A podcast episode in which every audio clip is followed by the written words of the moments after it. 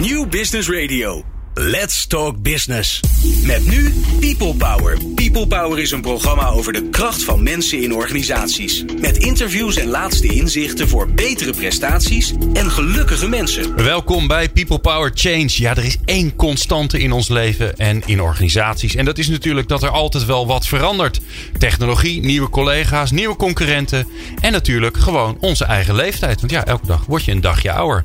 Hoe veranderen mensen? Want zij zijn het immers die de organisatie vormen. In People Power Change gaan Jeroen Buscher en ik op zoek naar de geheimen van verandering in organisaties. En in deze aflevering hebben we een bijzondere gast. Want Ben Tichelaar is namelijk onze gast. Wekelijks columnist bij het NRC. Internationaal spreker en bestseller-auteurs van onder andere... want ik ga ze niet allemaal noemen, want dan zijn we door de halve uitzending heen. Door, dromen durven doen, MBA in één dag. En het boek wat dit jaar is uitgekomen, De Ladder. En daar gaan we het vandaag zeker ook over hebben. En daarnaast is het altijd een feest om met hem te praten over het vak van veranderen. Want zijn passie voor menselijk gedrag spat er altijd af. Wij zijn dus blij dat hij er is, Ben. People Power.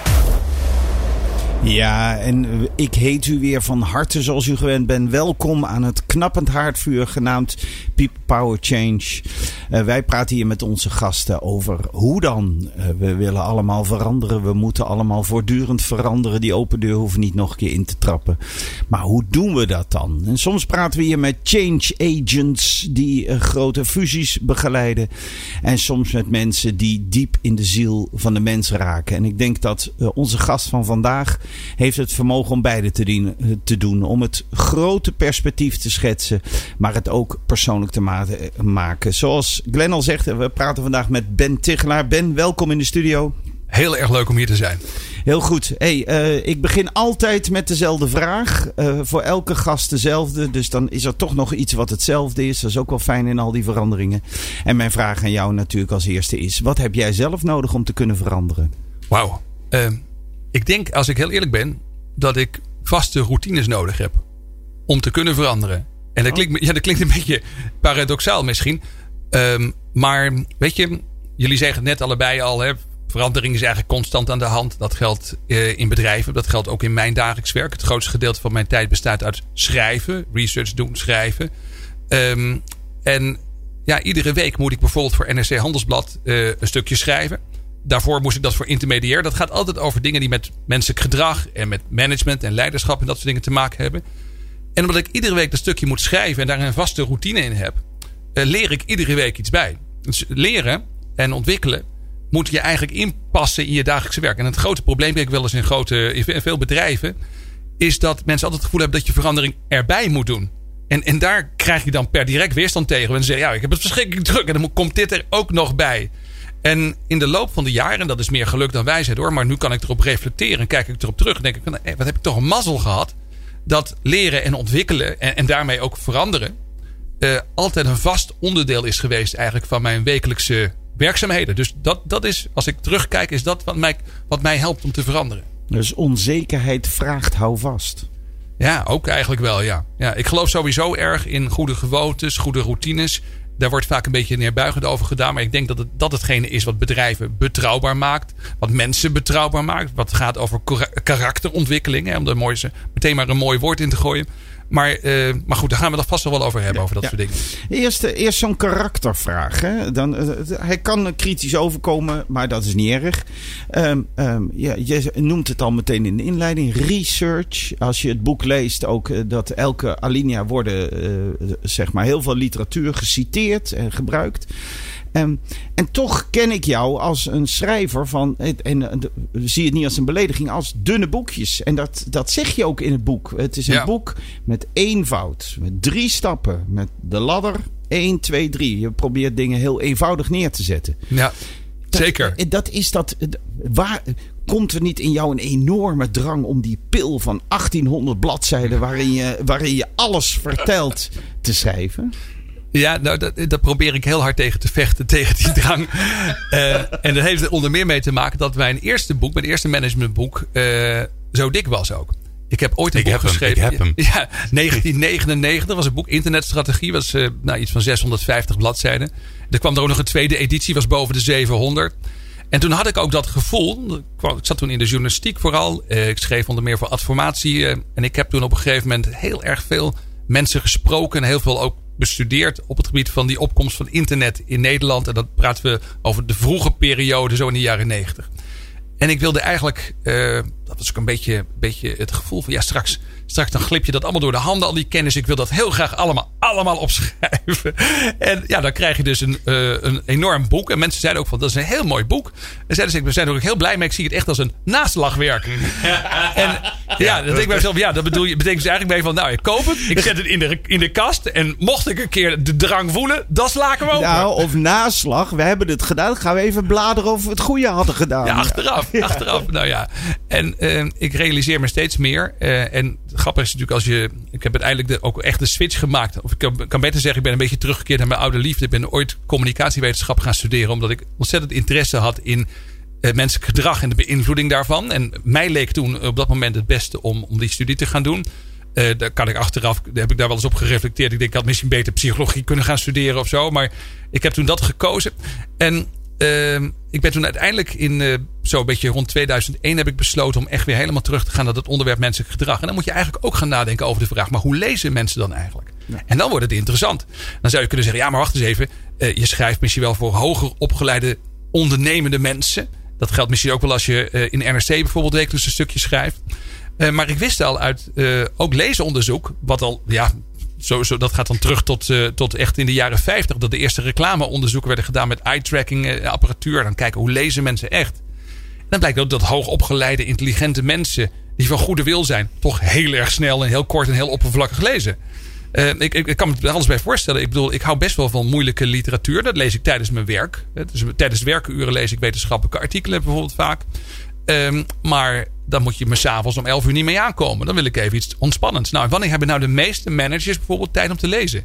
Niet overdag uh, tijdens werkuren. Ja, en als het te ingewikkeld wordt, wat nemen ze er mee naar hun praktijk natuurlijk? Ja, als je het niet kunt onthouden, kun je het ook niet toepassen. Dat is eigenlijk mijn eerste hele eenvoudige stelregel, ook voor mezelf. Als je niet kunt, kunt onthouden, kun je niet toepassen. Dus alles wat je uh, opschrijft, moet, nou ja, begrijpelijk en onthoudbaar zijn. Dit zit ook in het boek wat ik uh, graag, uh, wat we als aanleiding voor dit gesprek nemen. Uh, de Ladder. Hè?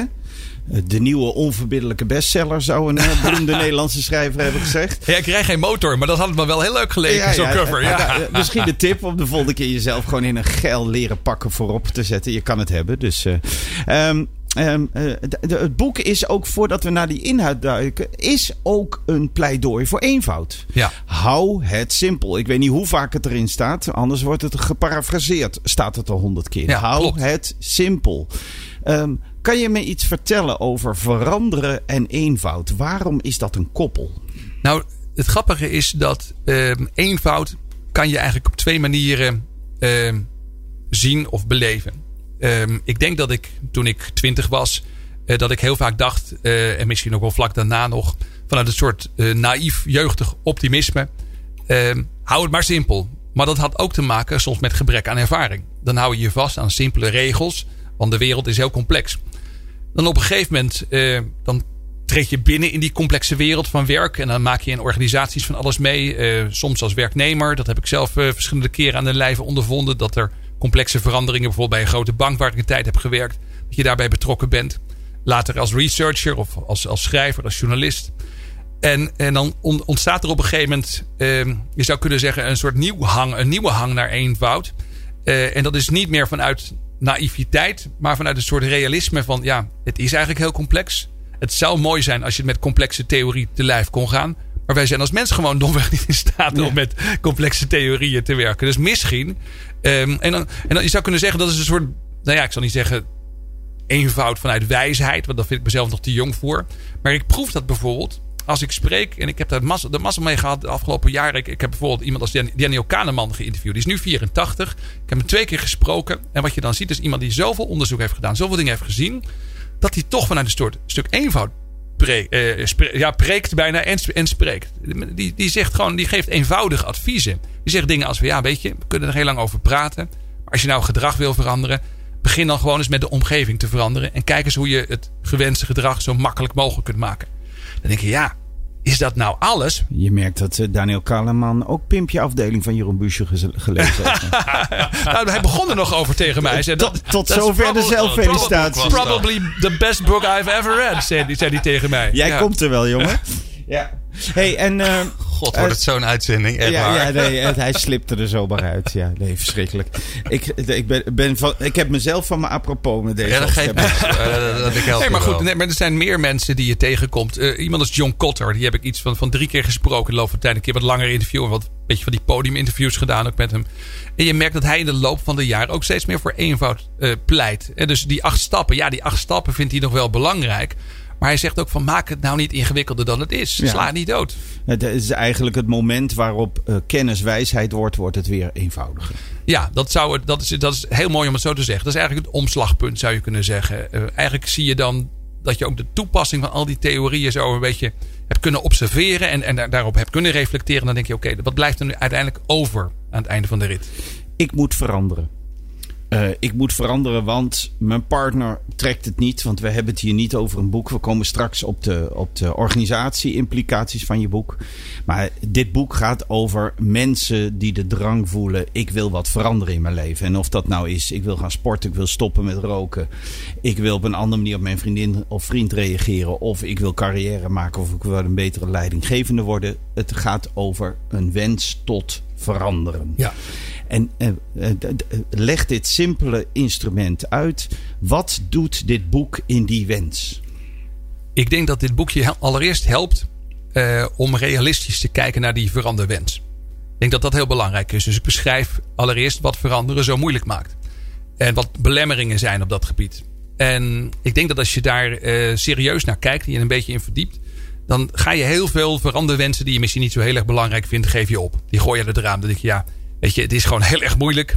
En why bother? Weet je wel, Waar, waarom zou ik me nou druk maken om dingen die ik eigenlijk niet heel erg belangrijk vind? Dus ik zeg, ik zeg ook altijd eigenlijk iedere goede, iedere, eh, ieder goed boek op het gebied van veranderen is tegelijkertijd ook een soort motivatietest. Eh, als je eraan begint te lezen, überhaupt al, hè, ehm, als je op een gegeven moment erachter komt dat het best ingewikkeld is, dan wordt je motivatie op de proef gesteld. Dus ik denk dat dat een hele belangrijke eerste factor is. En is het ingewikkeld of is verandering weer barstig? Ja, wel een beetje van beide. Eh, want eh, je moet sommige dingen ook wel een beetje kunnen begrijpen. Kijk, gedrag komt bijvoorbeeld niet voort uit één factor. Ja. Ik noemde net wel Kahneman. En die zegt van nou begin eens met het veranderen van de omgeving. En ik denk dat hij daar een heel raak punt heeft. Maar er zijn natuurlijk ook andere factoren. We weten ook dat gedrag eh, wordt ook gestuurd. Ik noemde het net door je motivatie. Dus je moet het ene meer willen dan het andere. Er moet een innerlijke drang zijn om iets meer te willen dan iets anders. Wat weer maakt dat je moet durven kiezen. Ja, bijvoorbeeld. Ja. En daarnaast is er nog sprake van eh, eh, capaciteit, hè, zoals dat mooi in de theorie heet. Dus je moet ertoe in staat zijn. Er zijn genetische variabelen op dat gebied. Eh, Je moet ook de vaardigheden hebben om iets te doen. Dus dat betekent dat je, als je de motivatie hebt en de vaardigheden of de capaciteit en de omgeving werkt mee, nou dan zou het wel eens kunnen dat die verandering er komt. Er zijn heel veel mensen die in hun ja, neiging tot simplificatie slechts één van die dingen pakken. En die zeggen, nou je moet het vooral willen. Daar draait alles om. Ja. Dat is de motivatietheorie. Maar ja, dat is te mager. Er zijn heel veel dingen die ik wil en die lukken toch niet. Of die kunnen niet in onze maatschappij. Of die kunnen niet in mijn gezin. Dus die omgeving speelt per definitie een rol. En de Kahneman die legt bewust de nadruk op die omgeving. Omdat het vaak de vergeten factor is. Dan kunnen mensen iets wel en willen ze het wel. Maar dan vergeten ze dat de omgeving zo'n belangrijke rol Nou, speelt. het voorbeeld wat je ook heel mooi in je boek geeft, wat, wat geheel resoneerde met mijn persoonlijk leven.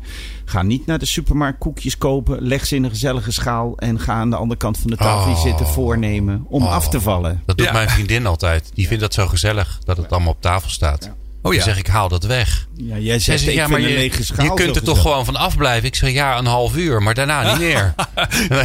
Hè? daarna ben ik niet meer aan het nadenken. En voordat je het weet zitten ze allemaal eh, in mijn buik. Voor, volgens mij zijn er ook van die winkels die verkopen van die etalagematerialen. Dat ziet er ook heel gezellig uit. Maar als je er dan in, in bijt. Top idee. Ja, dat is een top idee. zeg. Nou, nou heb ik weer een film van Lauren Hardy gezien waarin eh, Stan Laurel een, eh, een smakelijk een wassen appel eh, opeet. Dus het kan, het kan wel. Ik hou ook trouwens ook van oude films, maar dat is een andere uitzending. Hè? Dat- dat ja, dat oh leuk. Ja, maar dan echt oud, hè? Dus echt zwart-wit voor de oorlog. Ja, precies. Ja, nee, ik ben het er helemaal eens. Verandering vraagt eenvoud. Verandering vraagt de drivers die je noemt. Maar verandering vraagt ook dat je niet eeuwig door blijft kletsen in de andere zaken. Dus bij deze. Ehm, in het volgende gedeelte ga ik eh, verder met Ben Tichelaar over zijn boek De Ladder. En ga ik eens vragen, wat staat er dan op die drie sporten? Maar we noemen het treden van deze trap. Ehm, ik ben in alles aan het bewijzen aan Ben Tichelaar dat ik het boek echt gelezen heb. Ehm, dat deze drie sporten, waar uh, deze drie treden, waar bestaan die dan uit? Maar dat alles na dit. People Power. Inspirerende gesprekken over de kracht van mensen in organisaties.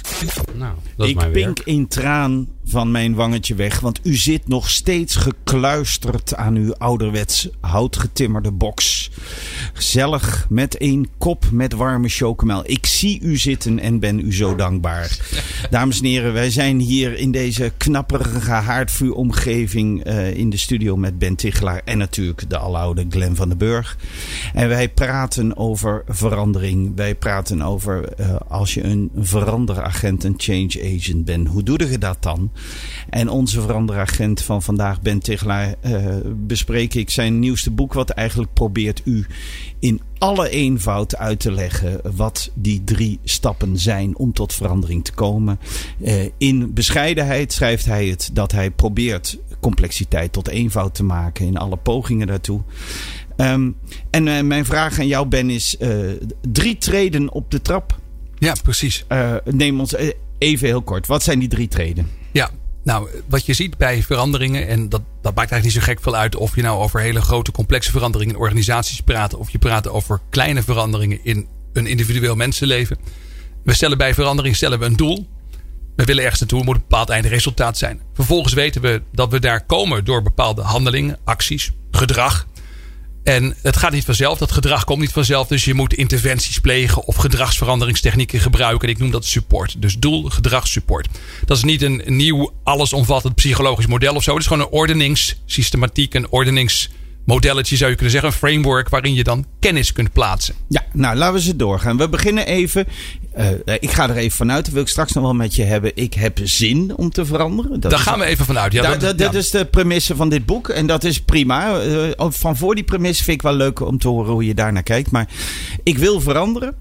Het doel. Wat moet ik me realiseren als ik mijzelf een veranderd doel stel? Er zijn doelen die veranderingen bevorderen, zou je kunnen zeggen. Er zijn doelen die ja, hinderen verandering. Ontmoedigen zelfs. Ja, ontmoedigen zelfs verandering. En uh, een van de meest interessante inzichten van de laatste jaren vind ik dat wanneer je een doel stelt en dat gaat over iets nieuws, iets wat je nog niet eerder hebt gedaan, dan moet je eigenlijk realiseren dat het per definitie een leerproces is. En dat betekent dat het ook verstandiger is om leerdoelen te stellen dan uh, prestatiedoelen. En wat is het verschil? Nou, een prestatiedoel draait om uh, jezelf eigenlijk klem zetten en ook bewijzen dat je iets kunt. Dus een prestatiedoel kan zijn voor het eind van dit jaar uh, ben ik in de evaluatie als leider van een 6,9 naar een 7,5 gegaan. Dus je, je koerst rechtstreeks op een bepaalde uitkomst. En wat daar precies allemaal bij komt kijken, dat geeft, dat geeft niet zoveel. je wilt die uitkomst realiseren. Ja, target, target, ja, target. Een target, ja, een hard cijfer. Ehm, een prestatiedoel um, heeft nadelen. Uh, want op het moment dat je heel hard voor die prestatie gaat en onderweg maak je fouten. En dat gebeurt altijd als je nieuwe dingen doet. Dan voelt dat wel heel erg als falen. En dan, dan raak je enorm gestrest. Eigenlijk moet je een prestatiedoel op kracht doen. Ja, en dat kan als je gewoon in een bepaalde routine zit. Je zegt, nou ja, we verkopen al jaren dit ene product in het bedrijf. En uh, we worden daar steeds beter in. Dus daarom kan het volgend jaar kunnen we 5% meer doen. Dat is geen enkel probleem. Of als je zegt, wij, uh, wij leveren... Uh, weet ik wat, we zijn een webwinkel. Uh, je kunt tot 12 uur s'nachts bestellen. Maar je wordt er steeds beter in. Dan kan je op een gegeven moment zeggen, je kunt tot 1 uur s'nachts bestellen. Dan heb je het ook nog de volgende dag in huis. Maar, ook prima. Maar harde doelen ontmoedigen op het moment dat het op verandering aankomt. Precies. Als het om nieuwe dingen gaat. Je zegt, eigenlijk gaan we nu aan iets beginnen. Dat hebben we nog niet eerder gedaan. Dan moet je uh, je realiseren dat het een leerproces is. En bij een leerproces horen leerdoelen. En daar komen woorden bij kijken als presteren, uh, proberen. proberen, experimenteren, pogingen doen. Dus uh, je zou dan, als het even weer over die leidinggevende gaat, die wil graag uh, beter worden, inspirerender worden. Dan kan je gerust zeggen: Ik wil het komende jaar leren om een inspirerender leider te zijn. En dan zeggen sommige mensen, dat is wel een beetje vaag. Ja, dat, dat is het. Maar het is wel een baken waar je op kunt koersen. En tegelijkertijd pleit jij ervoor om die doelen dan wel zo helder en aantoonbaar mogelijk te maken. Maar je zegt timmer ze niet met nagels in de muur in cijfers. Nee, want je weet nog niet precies hoe het zal gaan. En dat weet eigenlijk iedereen die bijvoorbeeld begint met een nieuw bedrijf. Die weet dat iedereen die start met een nieuw project. Iedereen begint met een nieuwe opleiding. En iemand die het ooit heeft gedaan, die weet gewoon dat het van tevoren niet te voorspellen is waar je precies wilt uitkomen. En Ben, dat pleit eigenlijk ook voor dat als je een nieuw bedrijf begint, hè, je bent startend ondernemer, je hebt het nog nooit gedaan, dat je dus helemaal geen businessplan moet maken. Want daar, daar staat van alles en nog wat in waar je achter gaat komen. Dat weten we ook allemaal. Dat alles wat daarin staat, ja, dat is een soort voorspelling van de toekomst die zeker niet uit gaat komen. Nou, ik denk dat je een ander soort businessplan moet maken. Dus ik zeg niet dat je bijvoorbeeld niks moet plannen, want ik pleit ook voor het maken van plannen. Ik pleit ook voor het stellen van doelen. Maar het zijn dan leerdoelen. En eigenlijk zeg maar wat je nou net beschrijft, het beginnen van een onderneming. Als je dat twintig jaar geleden deed, dan ging je inderdaad aan de bank en dan had je een businessplan. Dan zei je over vijf jaar staan we daar. En dan had je zo'n mooie grafiek en dan stond het allemaal in.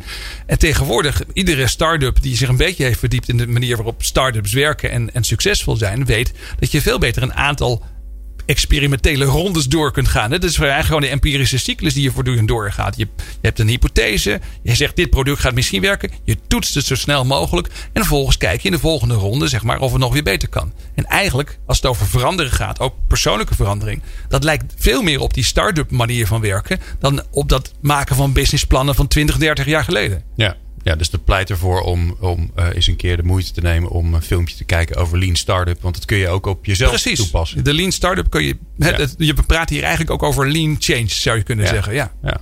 Nou, Oké, we hebben een, een ontwikkeldoel gemaakt. Uh, is het nog belangrijk dat ik dat doel uiteindelijk op een bepaalde manier kan toetsen? Want wat is mijn toetsing dan wel? Want ik kan mijn doelen stellen. Als ik ze niet toets, bereik ik ze altijd. Dat is niet goed voor de motivatie. Er moet uiteindelijk in mijn doel wel iets zijn waarvan ik denk: hé, hey, het is me gelukt. Je kunt het bijvoorbeeld prima. Uh, uh, je, je kunt ook die smart manier van doelen formuleren prima toepassen op leerdoelen. Ja. Dus je kunt gerust zeggen. dus de beschuldiging dat het dan vage doelen zijn, zijn niet waar. Nee, je, kunt, je moet eigenlijk wel heel concreet omschrijven wat je dan wilt gaan leren. Dus uh, je kunt gerust zeggen: ik ga uh, in het komende jaar minstens drie verschillende pogingen doen om te leren om een inspirerende leider te zijn. En wat is dan een inspirerende leider? Nou, dat is dan een leider waarvan bijvoorbeeld mijn medewerkers zeggen: van we hebben een merkbaar verschil gezien bij jou. Ja. Dus uh, je, kunt dat best, je kunt dat best helder krijgen. maar omdat ik er sowieso voor pleit om gedrag als het centrale element te zien. Omdat ik er altijd voor pleit om je doelen te vertalen naar concreet gedrag, wordt het vanzelf wel concreet in mijn benadering. Wat een mooie brug is naar treden 2. Menselijk gedrag, precies. Ja, ik, ik heb daar eigenlijk. Um, heb, ik heb mijn hele leven eigenlijk al zo ongeveer gedacht. Een beetje dat, dat, dat, dat wanneer je het niet concreet maakt en wanneer het niet over concreet gedrag gaat, dat het eigenlijk een beetje zinloos is. Ja, want gedrag is hetgene wat er uiteindelijk is. Ja, en dat is, en dat is heel toetsbaar. En ik weet ook wel natuurlijk, zeg maar, dat in een postmoderne uh, sociaal-constructivistische visie, uh, dat heel veel mensen zoiets hebben. Ja, is maar net hoe je het interpreteert. Ja, dat kan wel zo zijn. Maar als ik op een gegeven moment in een bedrijf werk en uh, mijn leidinggevende uh, die schreeuwt tegen mij, dan vind ik dat toch niet leuk. En dan wil ik toch dat hij liever uh, vriendelijk vragen stelt af en toe. In plaats van dat hij tegen me schreeuwt wat ik moet doen. En laat, laten we wel zijn, ook post postmodernistisch rennen in, een, in het park is rennen in het park. En ja. mijn mond houden tijdens een gesprek met iemand om te luisteren wat hij zegt. Dat is mijn mond houden en geen geluid maken. Dus gedrag is uiteindelijk, daar zit natuurlijk altijd een component in wat wel concreet genoeg is. Precies, ja. En wat dan beleefd is of wat aandacht is. Natuurlijk kan je daar in verschillende culturen van mening over verschillen. Maar het gaat erom dat je binnen jouw cultuur en binnen jouw omgeving vertaalt naar concreet gedrag. Dat effectief is in relatie ook tot de mensen om je heen. Dat is en, een hele belangrijke factor. Het moet merkbaar zijn. Dus ik heb een doel.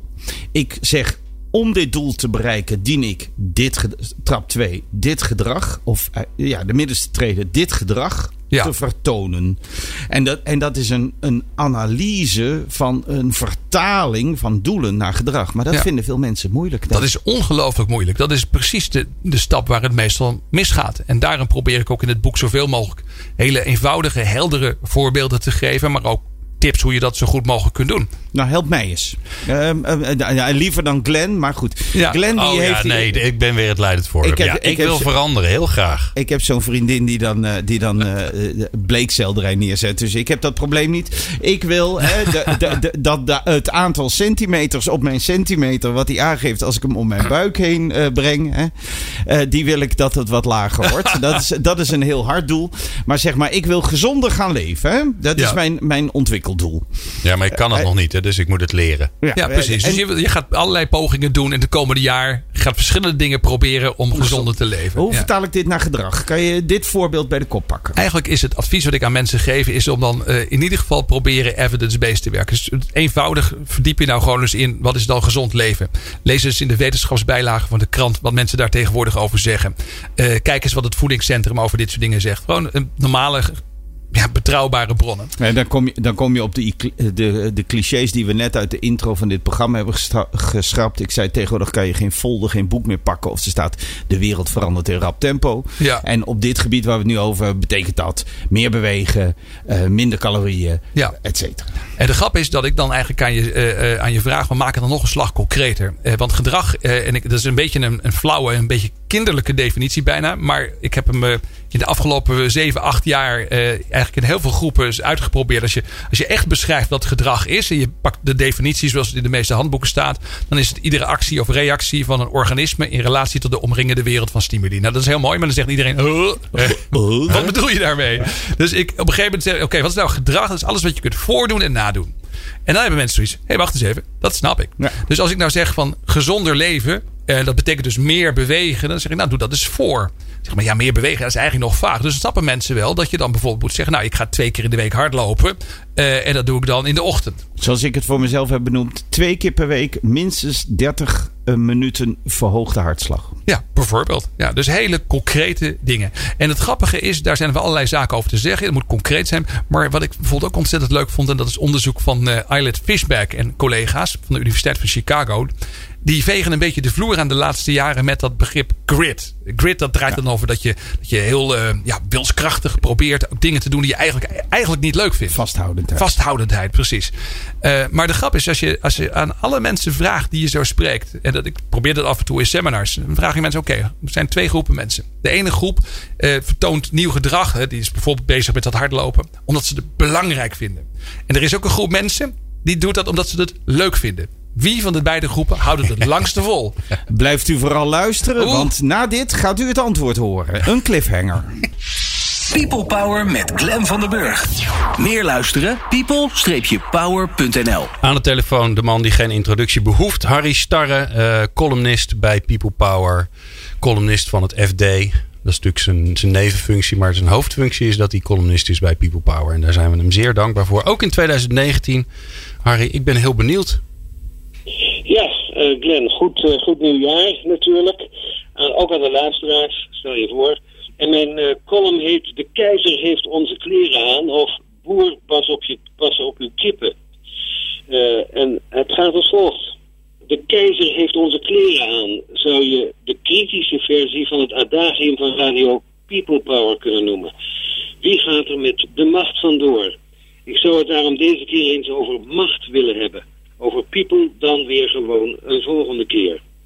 In 2016 kwam de voorzitter van de VVD, Henry Keizer, wie kent hem nog, onder vuur te liggen. Hij had zich voor een appel en ei meester gemaakt van de facultatieve, scherper gezegd, van de crematoria die de facultatieve in eigendom had. Keizer had zich als directeur bij de vereniging in korte tijd onmisbaar gemaakt het bedrijf krachtig aan te pakken. Hij was snel op goede voet geraakt met de voorzitter, Luc Hermans. En wie kent die niet? Keizer maakte de geesten rijp voor verkoop van de crematoria, die hij als risicovol kenschetste. Bovendien wees hij op de noodzaak van forse investeringen. Mocht dat in redelijkheid wel van een idealistische vereniging gevergd worden? Greep zij hiermee niet boven haar macht? Hij beval het bestuur verkoop aan. Tegelijkertijd gaf hij aan wel bereid te zijn deze risicovolle onderneming over te willen nemen, samen met anderen, maar alleen als het bestuur achter hem zou staan. Luc Hermans was daartoe bereid en wees zijn collega-bestuurders op de uitmuntende kwaliteiten van Henry. Henry had zijn vaardigheden getoond en was bovendien voorzitter van de VVD geworden. Zoiets zegt wel wat. De overdracht werd geruisloos geregeld en er zou geen haan naar hebben gekraaid als Follow the Money, het platform van onderzoeksjournalistiek, er geen onderzoek naar zou hebben gedaan. Wie de 36 artikelen op het platform leest, verbaast zich over de geringe openheid van zaken die spelers wilden geven. Er zitten mensen tussen die in hun politieke leven voor transparantie gaan. Het Openbaar Ministerie heeft de zaak nu in onderzoek. Als het niet goed schiks kan, ik moest aan Henry Keizer denken toen ik de, het recente persbericht van, op de site van de Baak las. Daar werd de strategische alliantie van de Baak met het NCOI aangekondigd. NCOI krijgt bijna de helft van het bedrijf. Overnamesom blijft in het duister, maar dat is niet ongewoon. Uit het zicht blijkt dat de baak voor een ander, verzwegen, maar veelzeggend deel, ook overgenomen wordt door haar eigen directeur. En dat daarmee de macht verschoven is. Voor de baak verandert er niets, staat er vroom in het persbericht. Een halve waarheid noemden wij thuis altijd een volle leugen. Laffelijk huigelpraat. Zo is de stichting alleen komen te staan en bevindt het bedrijf zich feitelijk en onopgemerkt in private handen. Een beetje zoals de facultatieve is overkomen. Een mooie deal voor een voortreffelijke man, Marcel Wintels. De Henry Keizer in dit verhaal. Die als interim manager bij de bank begonnen is. En als verkopende koper of kopende verkoper, een kwestie van perspectief, een blijvertje bleek. Is het verwijtbaar gedrag? Ik weet het niet. Ik schort mijn oordeel nog even op. Wat ik wel weet is dat je de leeuw niet kunt verwijten dat hij lammetjes eet. En de lammetjes valt goed beschouwd natuurlijk nooit iets te verwijten. Het doet me een beetje denken aan een kinderversje... waarin de leeuw overigens een vos geworden is... en de lammetjes kippen blijken. Ik lees het even voor en sluit daarmee mijn column af.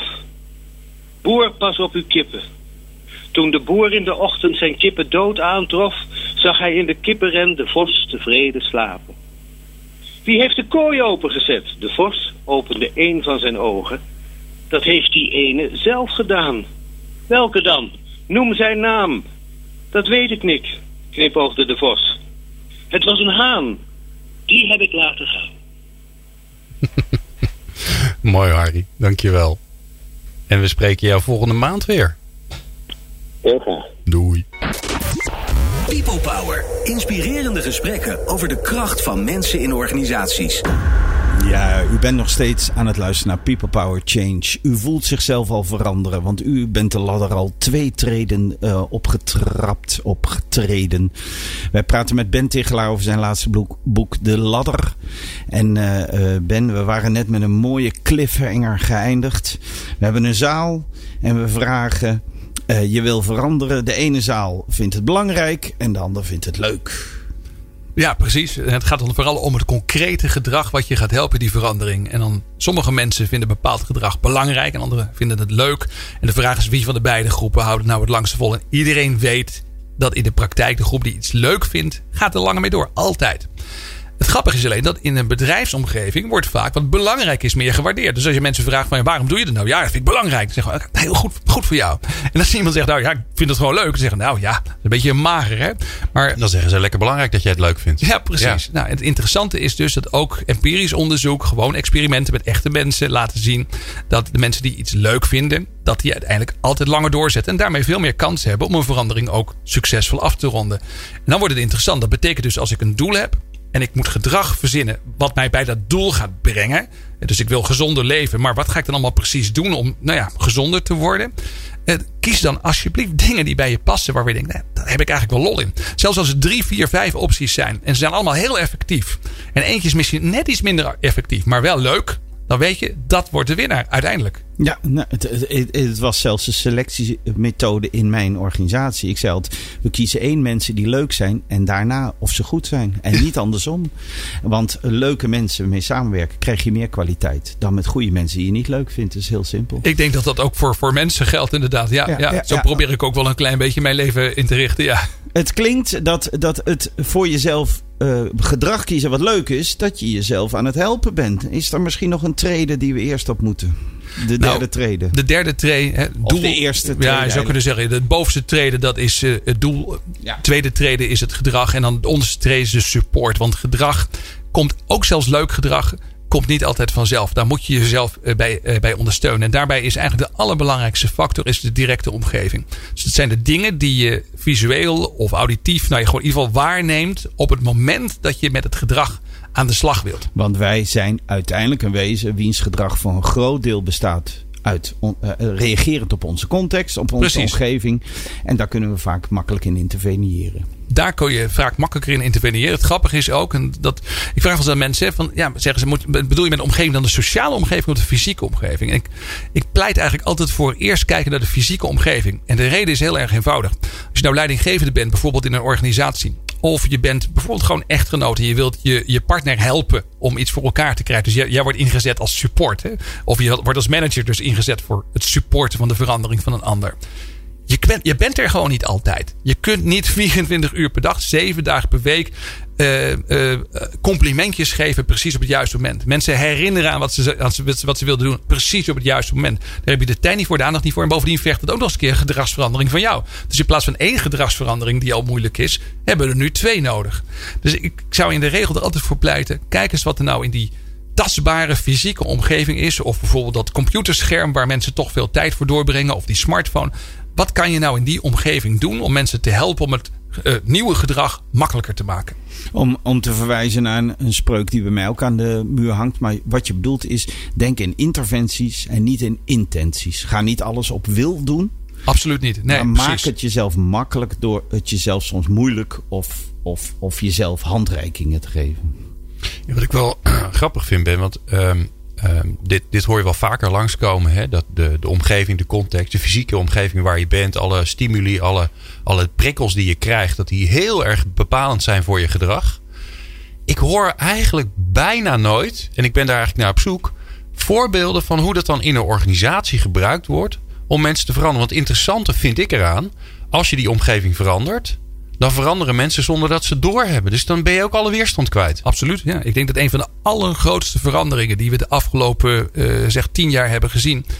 Uh, is de manier waarop bijvoorbeeld de interface van Facebook in de loop van de tijd is veranderd. Dan praten we over miljarden mensen die gradueel zeg maar allemaal nieuwe dingen zijn gaan doen. Omdat de interface van Facebook dat mogelijk heeft gemaakt. En er heeft nooit iemand uh, geprotesteerd. Er is geen interventie geweest om de veranderbereidheid te vergroten. Dat is allemaal niet gebeurd. Gewoon heel eenvoudig is die interface stapje voor stapje aangepast. Maar dat geldt ook voor, uh, nou ja, het operating systeem, zeg maar, waar ik dan mee werk op, op een Apple. Maar dat geldt ook voor Windows. Het is allemaal aangepast. En, en mensen maken die stapjes gewoon. En daar zitten dus hele interessante aanknopingspunten. Want op het moment dat je gaat analyseren. Wat ziet nou iemand gedurende de dag dat hij zijn werk doet? En binnen welke context moet die gedragsverandering dan plaatsvinden? Dan moet je de elementen die op dat moment zichtbaar zijn in die context, die moet je gebruiken. Dan moet je de dingen die leiden tot het verkeerde gedrag, gedrag of het oude gedrag wat niet meer effectief is, moet je weghalen. En de prikkels die leiden tot het nieuwe gedrag, die moet je toevoegen. Dus ga niet zitten proberen die koekjes niet te eten. Zet die koekjes niet op tafel. Zet ze niet op tafel, daar begint het mee. Uh, ja. Sanna, zet die koekjes niet meer op tafel. Maar dat geldt ook bijvoorbeeld, eh, om even de koekjes, het koekjesvoorbeeld te pakken. Uh, in 2014 is er een hele interessante interventie gepleegd door DUO, de, de, de uitvoeringsorganisatie die onder meer ook de studiefinanciering zeg maar, regelt voor, alle studenten in Nederland. Er werd te veel geleend, vonden we met z'n allen in Nederland. En uh, toen hebben ze bij Duo hebben ze één dingetje gedaan. In 2014 hebben ze de, checkbox op de website.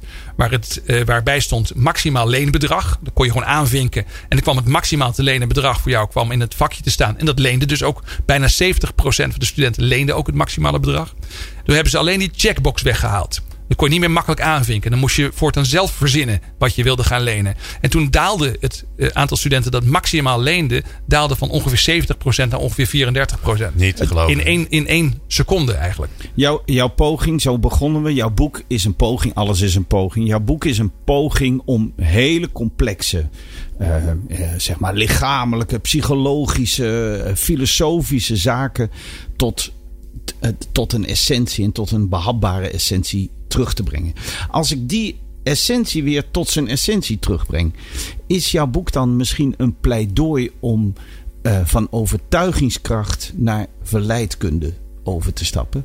Want wij willen onszelf en anderen altijd overtuigen ander gedrag te vertonen. Want mm -hmm. we proberen die anderen. En zeg je eigenlijk, nee, je moet ze helemaal niet overtuigen. Je moet de situatie zo maken dat het voor jezelf en voor anderen makkelijker en, en verleidelijk wordt om dat nieuwe gedrag te vertonen. Als dat jouw definitie van verleiden is, dan kan ik daar zeker wel in meegaan. Ja. We ja. doen te veel op die grit en wilskracht. En we, we maken het onszelf niet makkelijk genoeg. Het is wat, wat Richard Thaler, die, die gedragseconoom die vorig jaar de Nobelprijs heeft gewonnen, die zegt het eigenlijk heel mooi. Hij zegt: we, we overschatten heel vaak ons eigen vermogen om ons gedrag te sturen. En hij zegt, terwijl er zoveel duidelijke voorbeelden zijn dat de meeste dingen die we willen niet vanzelf gaan. Hij zegt, er is niemand in de wereld, tenminste bijna niemand, die vanzelf om zeven uur wakker wordt. Daarvoor zetten we een wekker. Ja. Iedereen vindt dat normaal. Nou gaan we veranderen. Dan gaan we iets anders doen wat eigenlijk niet helemaal natuurlijk nog gaat. Nog niet natuurlijk gaat. En, en dan zeggen we ja, maar is het een beetje kinderachtig om daar dan zeg maar dat soort interventies tegenover te zetten? Nee, je moet eerst jezelf kennen. We zijn niet heel erg goed in veranderen. We, we zijn heel goed in het herhalen van oud gedrag. We zijn niet goed in het zomaar vertonen van nieuw gedrag. Ja, ja neem jezelf serieus in de kwetsbare mens die je bent. Ja. Ehm, eh, eh, veranderen is de norm geworden. Hè? Het is, ik ik eh, roep altijd: verandermanagement is een tautologie geworden. We, we, worden de hele dag geconfronteerd en verleid en, en moeten ook mee in verandering. Ehm, Ja, toch- En, en, en toch, toch heb ik vaak de indruk dat, eh, dat daar ook een businessmodel achter zit. Hè, om dat maar te blijven herhalen. hou je mand. Ja. En- Nee, maar er zijn ontzettend veel dat- mensen. Zeg dat nou niet hardop. Ja, Wij, we zijn- er alle drie van. Dames en heren, leuk dat u geluisterd heeft. Eh, ehm, ehm, eh, we worden, veel mensen worden geconfronteerd, dan wel of niet, vanuit de consultantwereld met verandering. Precies. Ehm, ehm, eh, als je nou niet wil, als je nou er geen zin in hebt, kan ik een ander helpen te willen? Kan ik een ander helpen om te willen? Ja, dat is een hele goede vraag. Ik denk, ik denk dat eh, iets, iets gaan willen heeft heel vaak te maken eh, met het, eh, het ervaren van een waarom-achtige doel. Dus iemand zegt, oké, we moeten met z'n allen eh, meer gaan inspelen op de wens van de klant. We moeten met z'n allen gezonder gaan leven. Nou, waarom?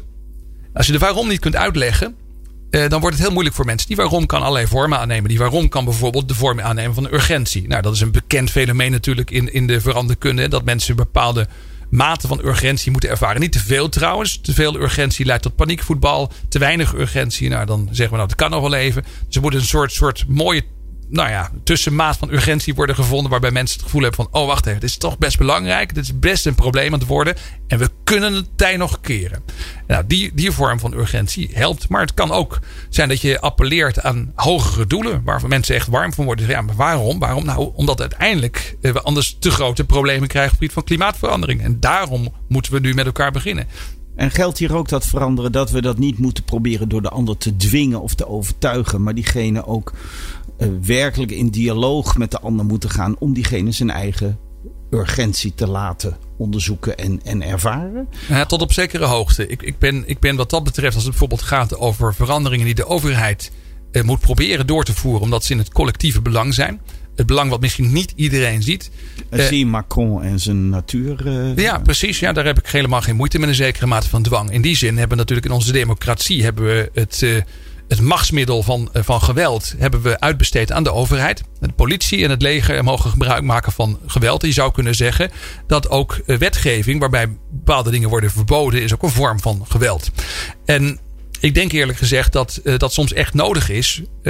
Omdat we nou eenmaal als mensen niet heel erg geschikt zijn. om altijd het lange termijn belang van onszelf. maar ook het collectieve lange termijn belang te overzien. En dat is in organisaties. Want dit, uh, dit, deze radio-uitzending gaan ook over organisaties. Is het die balans tussen dwingen en tegelijkertijd verleiden? Ja, je kunt op een gegeven moment als leidinggevende uh, geconfronteerd worden. Ik noem maar eens wat. Ik ben, dan een grote energiemaatschappij. We weten dat we een transitie moeten maken. En ik weet dat we daar misschien wel twintig jaar voor nodig hebben om dat effectief te kunnen doen. En dan weet ik dus, we moeten nu gaan beginnen. Maar dan zullen er allerlei mensen zijn in ons belangennetwerk. noem ik maar eens wat pompstationhouders, om eens wat te noemen. Uh, die gaan protesteren. Die zullen niet meteen misschien gele hesjes aantrekken. Hoewel ze hebben ze wel in de winkel liggen. Dat is misschien. Ja, nou, ja, goed. ja. precies. Maar in, dan, in hun directe context. Ja, precies. Dus ja. Maar de grap is, de grap is dus in dit geval. Uh, dat je dan ook soms uh, ja, mensen uh, zeer tegen hun wil moet helpen om te veranderen. Omdat je weet dat je anders over twintig jaar als leidinggevende terugkijkt en je verantwoordelijkheid niet hebt genomen. Dames en heren, wij hebben gesproken met Ben Tichelaar, die in zijn manmoedige poging de ladder ons geen handvatten, maar treden aanreikt. Om uh, het doel te bereiken uh, wat nodig is. Want pantarij, alles stroomt, alles verandert. In u, buiten u en overal. En de, de, de katalysator op al die, die verandering, dat bent u zelf. daar kunnen we anderen bij helpen. Zoals wij in deze uitzending geholpen zijn door zeg maar, de katalysator van al ons kunnen en veranderen. Dames en heren, dank voor het luisteren. Dank Ben Tichelaar. En wij gaan terug naar de grote veranderaar. Glenn van den Burg. Ja, ik heb daar bijzonder weinig aan toe te voegen. Jeroen, ik vond het bijzonder leuk dat jullie hier zijn en waren. En Ben, ja, je moet echt veranderen, want je bent te lang geleden hier geweest. ik kom, dus graag, ik ga, kom ik, graag terug. Ik ga er heel erg over nadenken hoe ik je daartoe kan verleiden. Ja, hij heeft het je uitgelegd. Je moet de microfoon in zijn slaapkamer zetten. Dankjewel voor het luisteren. Meepraten of meer programma's? people-power.nl